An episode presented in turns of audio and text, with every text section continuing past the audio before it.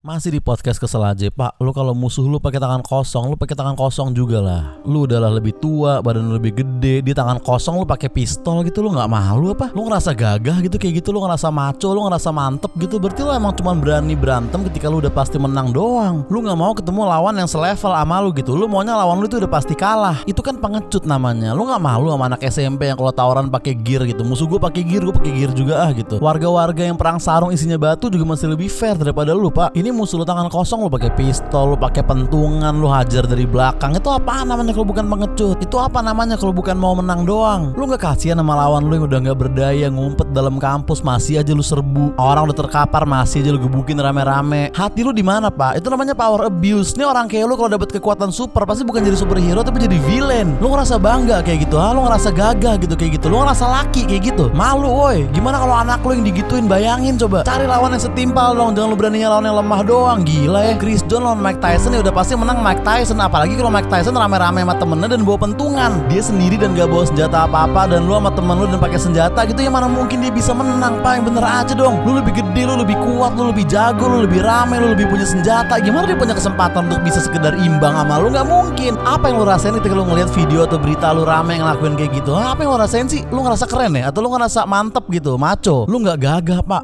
Lu cuman kuat dan jahat. Udah itu doang Eh ini ngomong-ngomong pada ngerti kan gue ngomongin apaan kan? Jangan salah tangkap ya ini Bray. Gue pas gue bilang pistol itu gue ngomongin tentang orang Yang beberapa minggu lalu tuh viral karena ngeluarin airsoft gun di depan tukang parkir. Ini norak banget gue bilang. Tukang parkirnya tangan kosong kita bisa lihat Tapi dia ngeluarin airsoft gun tuh apa-apaan sih? Pengecut banget. Yang soal pentungan dan keroyokan maksud gue adalah polisi-polisi di India Yang mukulin warga yang gak taat lockdown. Maksud gue ya gue tahu mereka ngelanggar peraturan Tapi kan bisa ditegur baik-baik aja pak. Gak usah dipukulin gitu lah. Pas gue bilang hajar dari belakang tuh maksud gue video anak kecil nendang nenek-nenek. Tuh sih lu sempat viral juga tuh? Itu juga goblok menurut gue itu yang gue omongin tadi. Pas gue bilang kampus diserbu tuh ini di Irak tuh ada kampus yang diserbu terus mahasiswanya dijadiin sandra gitu tahun 2014 kemarin sih. Cuman kan tetap aja jahat gitu walaupun udah lama tapi gue menolak lupa bre emang kasus itu. Parah tuh orang-orang Irak. Dan pas gue bilang terkapar tengah jalan masih digebugin itu gue ngomongin maling di Surabaya ada digebugin warga dia. Gue tahu dia salah maling cuman ya jangan main hakim sendiri gitu lah. Jangan digebukin kasih ini cuman sendiri lo rame-rame langsung aja dibawa ke kantor polisi. Pihak yang punya wewenang yang menurut Wikipedia kerjanya menjaga ketertiban keamanan dan penegakan hukum di seluruh wilayah negara. Gitu jangan main hakim sendiri dong. Kan ada polisi yang selalu melindungi dan mengayomi kita. Ngapain lo mukulin warga sendiri? Lo aduin aja ke sana langsung lo laporin biar dia ditangkap jangan lo gebukin sendiri. Intinya itulah yang gue bahas ya sumpah itu dong yang gue bahas tuh orang yang ngeluarin airsoft gun, polisi di India, orang-orang Irak, anak kecil dan nenek-nenek dan maling yang dipukulin di Surabaya. Dah itu doang. Sorry kalau tadi di awal gue terkesan kayak ngomongin yang lain tapi enggak gue beneran ngomongin orang-orang itu doang sekali lagi gue ulangin gue beneran ngomongin orang-orang itu doang sekali lagi gue ulangin gue beneran cuman ngomongin orang yang bawa airsoft gun polisi India orang Irak orang nenek-nenek dan malah yang di Surabaya. Gue nggak ngomongin hal lain sama sekali sumpah. Jadi kalau lu mikir gue nyindir siapa atau gue ngomongin apa itu lu salah itu lu sok tahu. Karena yang gue ngomongin adalah orang-orang yang gue sebutin tadi. Kalau lu mikirnya lain berarti pikiran lu yang parah bukan omongan gue oke? okay?